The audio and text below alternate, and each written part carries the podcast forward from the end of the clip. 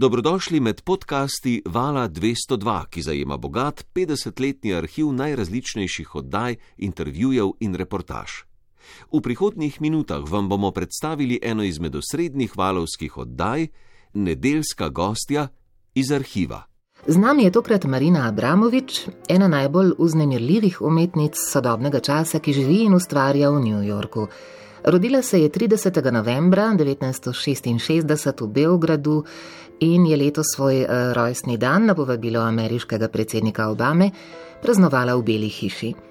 Marina Abramovič danes razstavlja na vseh petih kontinentih, vabijo jo na akademije, univerze, velike in male galerije, gostja je bienalov in največjih likovnih dogodkov prejema najvišja priznanja in nagrade ter gradi dva mednarodna inštituta za mlade umetnike. Z Marino Abramovič se je pogovarjala Nina Zagoričnik. Marina Abramovič, kdaj ste bili na zadnje v Ljubljani? A, mnogo godina, ne mogu se setim godina, ali sigurno ima deset godina više. Joj, pred mnogimi leti, ne spomnim se katerega leta, a zagotovo pred desetimi leti ali več. Bilo je leta 1998 v Mali galeriji, ste predstavili instalacijo Ritem O, ki sodi v vaše obdobje najradikalnejših performansov. Ritem O je danes del mednarodne zbirke moderne galerije. Kot gostja festivala Mesto žensk pa ste v Cankarevem domu predstavili gledališko delo Biografija, v katerem predstavljate svoje preteklo življenje. In ko brskam naprej, zares prvič ste bili v Ljubljani leta 1996 na mednarodnem simpoziju, ki je bil namenjen vojni v Bosni. Da, 96. godine bio sam na simpoziju koji... 1996. sem bila na simpoziju, kjer smo govorili o Bosni v tistem času. Takrat sem prispevala donacijo za en muzej v Bosni in še eno donacijo za muzej v Sloveniji. Zelo sem zadovoljna zaradi teh dveh donacij.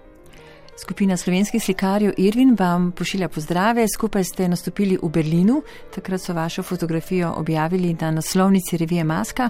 V Berlinu ste predstavili zanimivo video instalacijo Junak Irvini Maljeviča. Se spominjate tega? Sečem se, absolutno, da smo se videli in razgovarjali. Seveda se spominjam tega srečanja. Pozneje smo se videli in pogovarjali. Moja instalacija The Hero je bila posvečena očetu, ki je bil narodni heroj. Zelo preprosto, sedim na belem konju. Med vojno je bil vedno na belem konju, kot poveljnik 13. črnogorske divizije v tem času. Ta beli konj je predstavljal najvišji simbol, seveda belega konja, ki se ne giblje. Jaz pa v roki držim belo zastavo, ki valovi v vetru.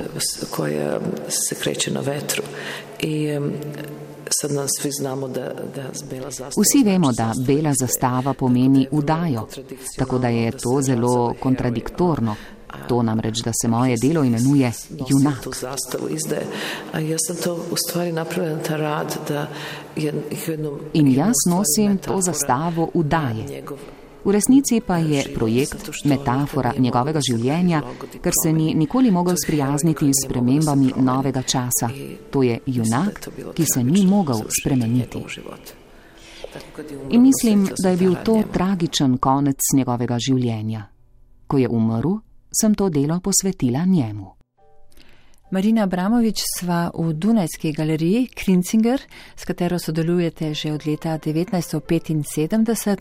Takrat ste predstavili projekt Thomas Lips, Tomaževe usnice, to je bilo še v Innsbrucku. Ja sam se upoznala sa Krinzingerom 70. godine, 75 godina napravili smo tu izložbu. S Krinzingerjevimi sem se spoznala v 70. in na to smo pripravili to razstavo leta 1975. Iznajmila krču u Brdu, koje je jedno malo selo koje ima tri kuće. Takrat sem imela hišico v Grožnjanu. Tudi ona je prišla tja in najela hišo v bližnji vasi, v kateri so bile samo tri stavbe. V eni od njih je ustanovila centr s programom za izmenjavo umetnikov. Na ta način je imela v pogled v takratno jugoslovansko avantgardno gibanje. Od takrat naprej nisem nikoli več obiskala Grožnjana. Krincingarjeva je hišo pozneje spet obnovila. Če vas zanima, kaj se tam danes dogaja, jo vprašajte. Ne vem. Razstavo fotografij z vašimi podobami ste poimenovali With Eyes Closed, I See Happiness, z zaprtimi očmi vidim srečo. Marina, kako doživljate trenutni čas, ki ga živite? Ste v samem vrhu svetovne umetnosti. Je to tisto, kar vam daje popolno svobodo, bolj kot kdajkoli doslej? Ja mislim da sada trenutno se najviše slobodno osjećam u svom životu. Trenutno občutim največjo svobodo v svojem življenju. Ta razstava. Ko zaprem oči, vidim srečo. To je sporočilo vsem ljudem, da sreča ne prihaja od zunaj, ampak iz notranjosti človeka. Dolazi izvan sebe, dolazi samo iz, iz svoje, iz, iz, iz, iz sebe samog. Marina Abramovič, če bi bili zdaj v našem radijskem studiu, katero glasbo bi izbrali za začetek najnega pogovora? Da Anthony Johnsons, da, da, da njegovu pesmu koju je napravio za moju pozorišnu predstavu Život i smrt Marina Abramović koja se zove Cut the World. Cut the World je to jedna pesma koja stvarno mislim da bi bilo divno ako bi slušalci mogli da čuju u ovom momentu. Antonija Johnsonsa, ki je ustvaril pesem za mojo gledališko predstavo Življenje in smrt Marine Abramovič, imenuje pa se Cut the World. To pesem bi želela dati poslušalcem v tem trenutku. Če jo imate, bi bilo to čudovito.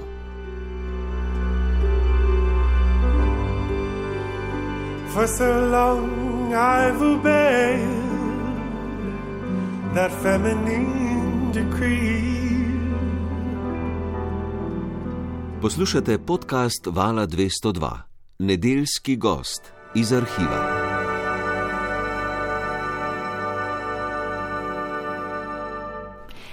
Marina Abramovič, eh, berem, da so vaši starši imeli pomembne vojaške in politične funkcije v nekdanji Jugoslaviji. Vi pa ste se odločili za umetnost. Končali akademijo v Beogradu in po diplomski študij v Zagrebu.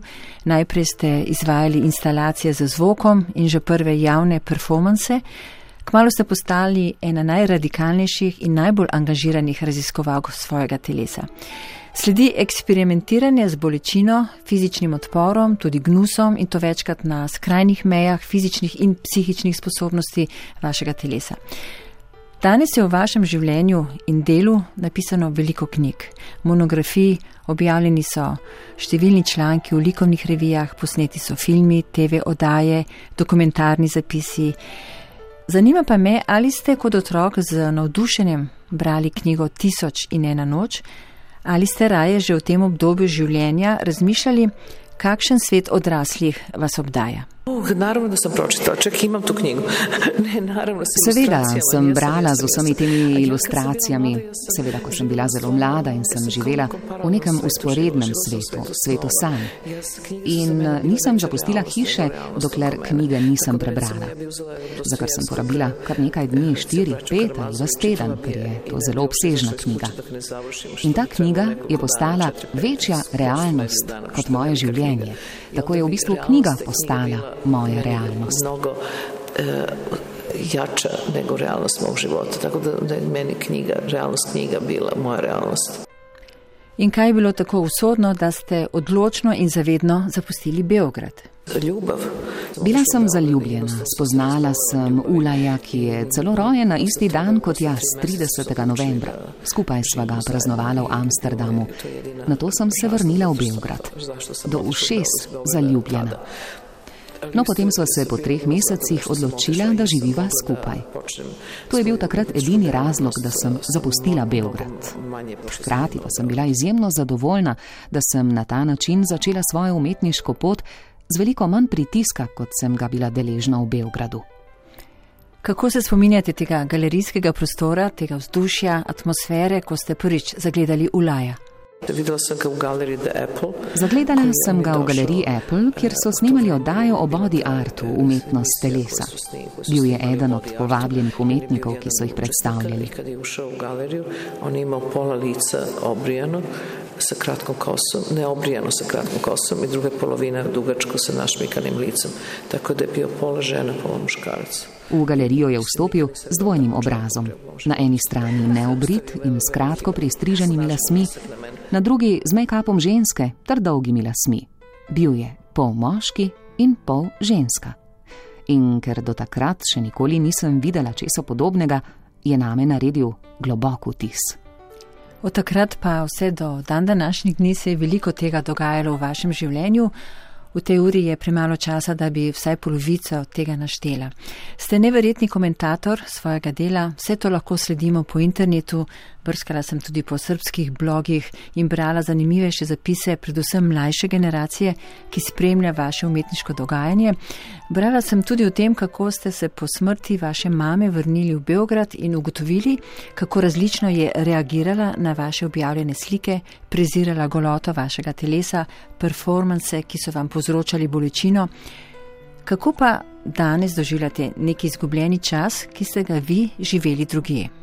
Ja mislim da e, balkanski ljudi provedu mnogo vremena u nostalgiji. Mislim da ljudje vse preveč časa porabijo za nostalgijo, stvari, ki so se že zgodile.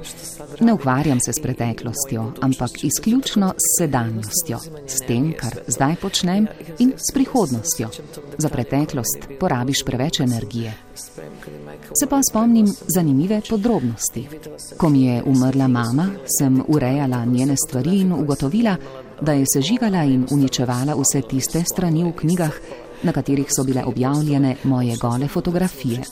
Tako da se je naprimer v eni od monografij od 300 strani ohranilo le 25 listov te na novo izdane knjige je potem lahko razkazovala svojim prijateljem. V tom vremenu štirim sada. Ali moje vreme sada je, je, je mislim, je to najuzboljivih vremena, ko sem imel v životu. Tako da ja nemam te nostalgije. Na to obdobje me veže le občutek, da sem imela veliko več prostega časa. Čas, ki ga živim zdaj, pa je najbolj uznemirljivo obdobje mojega življenja. Ne občutim nostalgije, ne obstaja.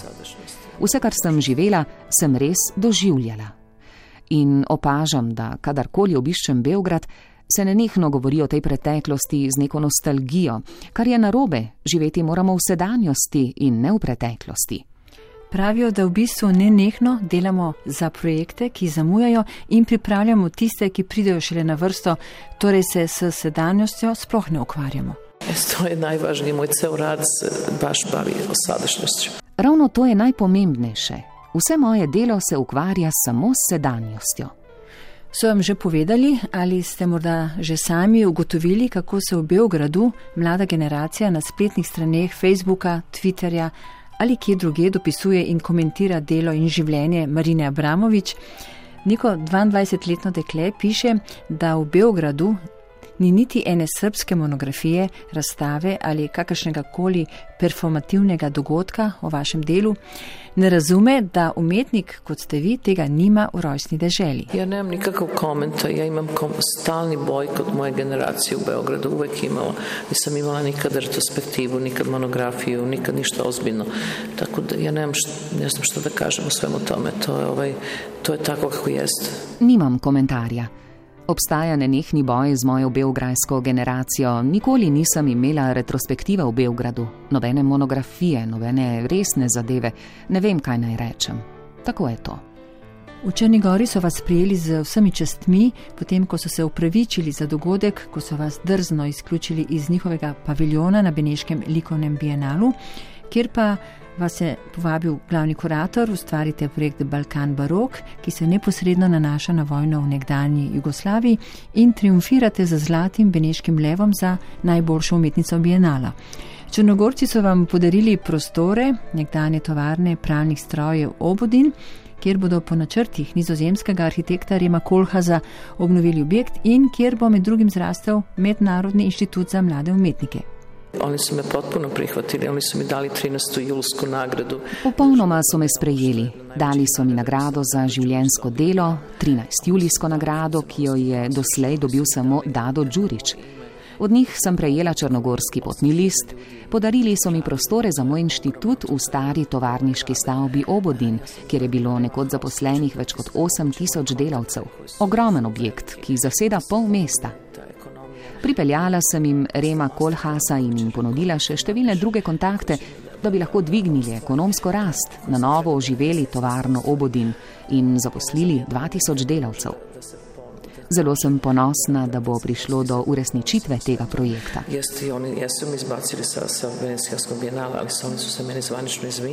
Res pa je tudi, da so me enkrat vrgli iz Beneškega bienala. a so se mi pozneje javno upravičili. Beograd pa me nikoli ni niti povabil. Obstaja pa še en koncept vašega mednarodnega inštituta, zgrajen bo na obrobju New Yorka v kraju Hudson. To je Marina Abramović Institute which, koji ja u stvari sad već radim i um, to će biti za long durational performance art. Gre za Marina Abramović inštitut, ki ga že gradimo. To bo inštitut za nove generacije za performativne umetnosti. Njegova enkratnost bo v tem, da bo osnovan na materialnih formah umetnosti. I materijalne forme umetnosti. Gre za performanse, ki ne bodo krajši od šestih ur. Ako dođete u institut, ako ste normalna publika, morate da potpišete ugovor sa mnom. Če boste prišli v inštitut kot običajni obiskovalec, boste morali z menoj podpisati pogodbo, da boste ostali v njem najmanj šest ur. Brez tega podpisa vstop ne bo mogoč. Zelo enostavno. Vi meni čas, jaz vam doživetje. Brez vašega časa ni doživetja. Vaši performansi že od začetka vašega delovanja trajajo po več ur, takšen je tudi ritem O, ki ste ga predstavili v Mali galeriji v Ljubljani, postavil del mednarodne zbirke moderne galerije. Prvič ste ga dejansko izvajali 6 ur leta 1974 v galeriji Mora v Neaplju. Obiskovalci so na vašem telesu kot umetniškem objektu uporabljali najrazličnejše predmete, med njimi je bila tudi pištola s pravim nabojem. To vaše avangardno umetniško delovanje je bilo še pred srečanjem z umetnikom Ulajem, s katerim na to preživite 12 zelo intenzivnih let skupnega, intimnega in umetniškega delovanja. Takrat ste bili že seznanjeni tudi z deli dunajskih akcionistov, pa z Gino Payne in Rudolfom Schwarzkoblerjem, kako ste sledili, kaj oni počnejo. Gina Payne, ja sam nju tek upoznala kad sam otišla iz, iz Jugoslavije u Amsterdamu. E, Rudolf. Gino Payne sem obiskala v Amsterdamu po odhodu iz Jugoslavije. Rudolfa Schwarzkoblerja nisem nikoli srečala, ker se je ponesrečil. Njegova prva dela, fotografije, sem videla leta 1975 v galeriji Krinzinger. Je zanimiv umetnik, predvsem zato, ker ni nikoli sam naredil performansa. Kri na fotografijah ni njegova kri, ampak kri živali. Vse stvari je tako sestavil, kot da gre za resnični performance. Ti so delovali kot pravi, čeprav niso bili. Njegov primer je zelo zanimiv. Vsi so mislili, da je eden vodilnih umetnikov performativne umetnosti. Celo umrl je, ker naj bi bil ranjen med performancem. V bistvu pa nikoli ni naredil niti enega samega resničnega performansa. Marina, kateri glasbeni komat bi zdaj dodali? Posle ove dodala bi jedan drugi, drugo. Takoj po prvem bi dodala še drugi komat z iste zgoščenke Antonija Johnsonsa, saj je edini človek, ki ga v glasbi trenutno obožujem. Imenuje se Jaz sem tvoja sestra. You are my sister, we were born so innocent, so full of need. There were times we were friends, but times I was so cruel. Each night I'd ask for you to watch me as I sleep. Poslušate podcast Vala 202, nedeljski gost iz arhiva. Marina Abramovič, nedeljska gostja na Valu 202, pogovarjava se v Dunajski galeriji Krinzinger. Že vrsto let spremljam vaše delo, osvojili ste svet, še posebej pa se je na novo začel vaš uspon po letu 2010. Vabijo vas na vse strani kot prvo damo performansa, kot pedagoginjo, kot časno gostjo velikih prireditev. Ponujajo vam tudi scenografijo na olimpijskih igrah v Rio de Janeiro, na prihodnem svetovnem prvenstvu v nogometu. Veliko je tega. Čak sad sam dobila poziv da, da budem em, direktor 24 sata Arte televizijskog programa, što je nevjerovatno nikad nijedan umetnik ne- nije to uradio. To znači Ponudili so mi tudi vlogo televizijske direktorice Art T. Sliši se neverjetno. Doslej še nihče ni imel te priložnosti. Na voljo imam 24 ur programa, lahko izbiram svoje vsebine, izberem in povabim svoje goste, predvajam le tiste filme, ki me zanimajo, Nastopim pa tudi v vlogi napovedovalke vremena. Toliko vsega, da človek težko dojema ta vaš kolosej dogajanja. Odkot prihaja ta energija, ta vzdržnost in doslednost? Pa evo, bila sam sad skoro u Crnoj Gori, mislim što sam da vidim da mesto gde se moj otac rodio, koje je malo selo. Pred kratkim sem bila v Črni Gori. Šla sem pogledat kraj, kjer se je rodil moj oče. To je majhna vasica, ima pet hiš in vse so porušene. Od njegove hiše so ostale samo še ruševine in v hiši raste drevo iz kamna. Sedla sem pod drevo in razmišljala, če lahko tako ogromno drevo, ena bukev, živi od kamna, kakšna neverjetna energija. Najverjetneje je nekaj takšnega tudi v meni. V sebi čutim nezadržno energijo, okoli mene se vsi že zdavnaj utrudijo, jaz pa ne odneham. Pred vami sem imela že 30 intervjujev in jutri jih imam še več. In ne samo tukaj, danes. To se mi dogaja v vseh deželah. Jutri ne bom ostala na projekciji svojega filma, raje bom odgovarjala novinarjem. Mislim, da je to jako dobro, što se dešava, jer taj uspeh je došel vrlo sporo.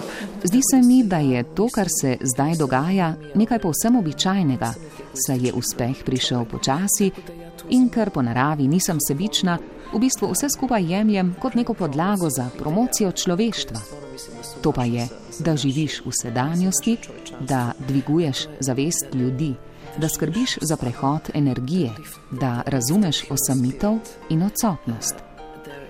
To so nekatere osnovne stvari, ki so jih ljudje končno sprejeli, doslej so se norčevali iz njih in tega niso jemali za res. Vendar sem prav s tem dokazala, da ima performance transformativno moč. Prav tako sem dokazala, da je postal ena od vodilnih, likovnih in ne samo alternativnih smeri. Temu sem posvetila vse svoje življenje. Zdaj, po 40 letih, se to zares dogaja in tega ne izkoriščam, pač pa performansu dajem pravi pomen. Svetila je sad 40 godina kasnije in sad mislim, da se to dešava in ja to ne zlopotrebljavam, koristim v prave svrhe. Prav o tem natančno razlagate z branim na eni od svojih otvoritev v Londonu. Vaše razmišljanje o performativni umetnosti sem ujela na YouTubu, objavljeni so tudi nekateri posnetki iz New Yorkskega muzeja MoMA, kjer ste leta 2010 izvali performance The Artist is Present, umetnik je navzoč. Sedeli ste v enem od galerijskih prostorov, nasproti vas pa se lahko sedel na prazen stol vsakdo, ki ga je vaše izvajanje zanimalo. V tem času je razstavo obiskalo več kot 850 tisoč ljudi, uspeh je bil enkraten. Tri mesece ste vsak dan, 8 ur, mirno sedeli na stolu, nepremično zrli iz oči v oči z vsakim, ki se je vsedel nasproti vas. Popolna tišina, mir. Ustvarjala se je interakcija med umetnikom in gledalcem, nekaj popolnoma drugega od vaših performansov v 70. in 80 ko ste doživeli nerazumevanje svoje mlade generacije? Ja, u 70 godina ja sam bila mlada. Prema tome, ja sam imala kompletno nerazumevanje da, gener, da stare generacije. V 70-ih sem bila mlada. Doživljala sem nerazumevanje starejše generacije. Zdaj je popolnoma drugače. Sprejeli sta me mlada in starejša generacija. Čudovit občutek je, da vse, kar sem počela, ni bilo za manj, da je imelo svoj pomen in namen. Ljudje po newyorških ulicah me danes ustavljajo, objemajo, jokajo. Neverjetno, kakšne reakcije doživljajo. To se kar naprej dogaja. Na moja predavanja pride od 1500 do 4000 ljudi. Tega umetniki ponavadi ne doživljamo. 4000 ljudi. Na predavanje v Albert Hall v London so me prišle poslušati same ženske. 2500. To je res veliko število tistih, ki želijo slišati, kaj jim imam zapovedati. Žene je bilo to. To je, to je ogrom, ogromna količina ljudi, ki v stvari počinju da, da žele da čuje što jim da kažem. Vas ob vsem tem kaj preseneča? Ja se mnogo više bavim, ne toga me nešto iznenađa, ja se mnogo više bavim time da ja budem u pravom svestu stanju, a je to kažem na engleskom, Bolj se ukvarjam s tem, a lahko to povem v angleščini. Zame je najbolj pomembno, da sem v najboljši duhovni kondiciji, da povem stvari, ki so pomembne za ljudi. Ne zanima me, kaj govorijo, ali so presenečeni ali ne. Pomembno je, da sem sto odstotno prepričana v tisto, kar jim govorim. Zanima me samo vsebina govora, kajti če razmišljam o tem, kako so to sprejeli, ali so presenečeni ali ne, potem sem že v prihodnosti. Moja prezenca pa je zdaj, v trenutku, ko govorim. Kako občutite interakcijo? Gotovo je pri nekom močnejše. No, it's interaction is the same. It's, it's, the, it's the idea of giving love to total stranger. Ne, ta interakcija je zgolj ideja, da dam ljubezen popolnemu neznancu in da resnično ljubim človeška bitja, humanost. Vsako bitje je enako pomembno, ni bolj ali manj pomembnih ljudi, od predsednika države do kogarkoli. Pred kratkim sem prejela vabilo predsednika Združenih držav Obame in Hillary Clinton, vabita me v Belo hišo 30. novembra, ko imam rojstni dan. Grem in vam pozneje povem, kako je bilo. In glasba, kaj ste zdaj izbrali, mogoče za svoj rojstni dan? Marija Kalas, Kastadiva.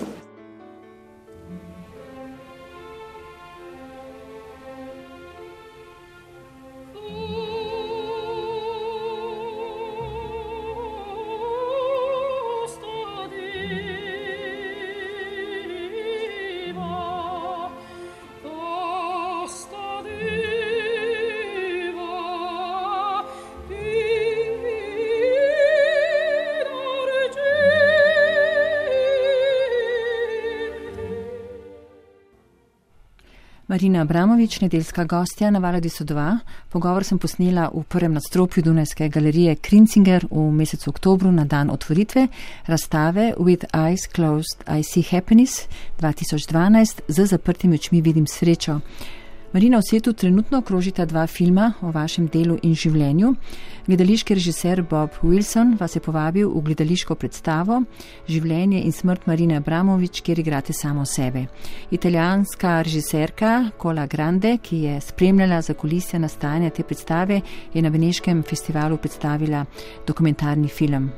Drugi dokumentarni film The Artist is Present pa predstavlja umetniška dela in priprave na vašo veliko retrospektivno razstavo leta 2010 v slovitem New Yorkskem muzeju sodobne umetnosti MoMA. Letos so vas povabili tudi v glavno žirijo Beneškega festivala. Vas vse to res navdušuje? Jednostavno me ne, ne zanima glorifikacija mene kao ličnosti, mene samo zanimljivo, mene samo zanima da moj rad bude shvaćen na pravi način. Ne zanima me glorifikacija moje osebnosti, edino, kar me zanima je, da bo moje delo sprejeto na pravi način. V gledališki predstavi Življenje in smrt Marine Abramovič ni bilo enostavno nastopati. Berem, da ste jo zelo močno doživljali. U svakom probi ja sam bukvalno plakao od početka do kraja jer, jer stvarno se radi u mom životu. Imam vrlo nesrećnom detinstvu koje ja mislim... Na vsaki poskusni vaji sem od začetka do konca jokala, ker predstava pripoveduje resnično zgodbo mojega življenja, nesrečno otroštvo, V bistvu se z veliko težavo spominjam nekaterih dogodkov, a ker so del igre, sem morala vse to doživeti. V nekem trenutku mi je Bob Wilson dejal, da moram nehati jokati, da je jok namenjen občinstvu in ne meni. Na ta način sem se zbrala. Delo z Bobom Wilsonom je čudovita izkušnja. Je profesionalec v vsakršnem pomenu besede, pravi gledališki genij, ki je preštudiral vse in si moje življenje bolje zapomnil kot jaz. Če obišče kakšno mojo razstavo, zlahka opazi napačno datirano sliko in takoj komentira: Ne, ne, to je ona počela tega in tega leta, to je napačna letnica. Celo moj slovanski naglas zna popraviti. Zelo komplicirano je bilo sestaviti moje življenje. Zanimivo je bilo tudi sodelovanje z izvrstno glasbenico Svetlano Spajič, ki je v bistvu arheologinja in zbira staro glasbo, na katero smo popolnoma pozabili vodi tudi glasbeno skupino štirih deklet. Skladatelj Anthony Haggerty je bil zelo navdušen nad njo, tako da bosta še sodelovala. Ta glasba je bila zelo pomemben del predstave. Sama je sestavila narikanje za mojo smrt. Predstava se tudi začne z mojim pogrebom in glasbo Svetlane Spajč. Bilo je veliko čustev, ko sem takole vsak večer 40 minut ležala v trugi in še s to glasbo. In razmišljala, kako bo v resnici izgledal pravi pogreb. Bila je prava psihoanaliza. Pred predstave 40 minuta in misliš, ko će sesti u prvom redu i kako će izgledati tvoja sahrana i da misliš o smrti. Bilo je bolje od svake psihoanalize ta predstava za mene. Kako ta predstava živi naprej, glede na to, da imate vsi obveznosti na različnih koncih sveta? Mi imamo stalno, stalne pozive i neke pozive odbijemo, neke pozive prihvatamo. Iduće godine imamo poziv za u Toronto. Ves čas sprejemamo veliko vabil. Ena sprejmemo, druge zavrnemo. Prihodnje leto smo vabljeni na festivalu Toronto, tudi na Dunaj, v New York, Brazilijo, Moskvo in Pariz. Zanimivo bi bilo, če bi me kdo zamenjal. Rada bi doživela, dokler sem še na svetu, kako nekdo igra mene. To bomo tudi storili. Poznam kar nekaj zanimivih ljudi, ki bi me lahko zamenjali. Charlotte Trampling je ena tistih, ki bi jo rada videla. Boste vi o tem odločali ali Bob Wilson? No, Bob Wilson sve odlučuje, ali ja sam samo predložila. Bob Wilson odloča o vsem, jaz sem mu samo predlagala. Za konec sem vas želela vprašati, kje boste preživeli rojstni dan, ki ga praznujete 30. novembra, pa ste mi že sami povedali, da pri predsedniku Obami. Pa vendar, poleg Washingtona, Miločerja v Črnigori ali Laosa v Afriki, New Yorka, Brazilije, kje vas lahko srečamo v naslednjih dneh, mesecih? Evo, narednim danima idem um, prek sutra u New York na četiri dana, onda idem u Abu Dhabi, da su me pozvali sve šeike da govorim o umetnostima. Pojutrišnjem grem za štiri dni v New York, na to v Abu Dhabi, šejki me vabijo, da jim predavam o umetnosti. Na to sledi London, tam delam za modno hišo Živenši, posneli bodo serijo mojih portretov. Na to odpotujem v Moskvo na simpozij Brain Research, kjer so študirali moje možgane in pripravljajo zanimiv seminar na to temo v Muzeju znanosti in tehnologije. Na to se vračam v New York, pa v Toronto, iz Toronta v Belo hišo, iz Bele hiše grem za dva meseca s šamani v Brazilijo. Ko se konec januarja vrnem, delam koreografijo za balet Bolero v Parizu, za opero Garnier in tako. To je samo manjši del. Je januara, onda idem da radim koreografiju za Bolero u Parizu, za opera Garnier i tako to im. To samo mali deo. Zadnja leta v Braziliji preživite veliko časa. Ja idem vrlo često u Brazil zato što radim s mineralima, zato što, zato što me vrlo zanimaju nekoliko um, specijalnih šamana koje rade s energijom od kojih učim. Zelo pogosto grem v Brazilijo, ker delam z minerali in tudi zato, ker me zelo zanimajo nekateri posebni šamani, ki se ukvarjajo z energijami in od katerih se učim. Je res, da potujete iz kraja v kraj brez prtljage, ker vas povsod čakajo za vas posebej skrojena nova oblačila? Manje više, vrlo sa vrlo malo. A drugo što dobijem garderobu od raznih modnih kuća, tako da ne moram da nosim ništa, što nije loše. Bolj ali manj, v bistvu vedno manj. Dobivam oblačila od različnih modnih hiš, zato mi ni potrebno nositi stvari s seboj, kar ni slabo. Radio, ki ugaja In nagaja. že 50 let.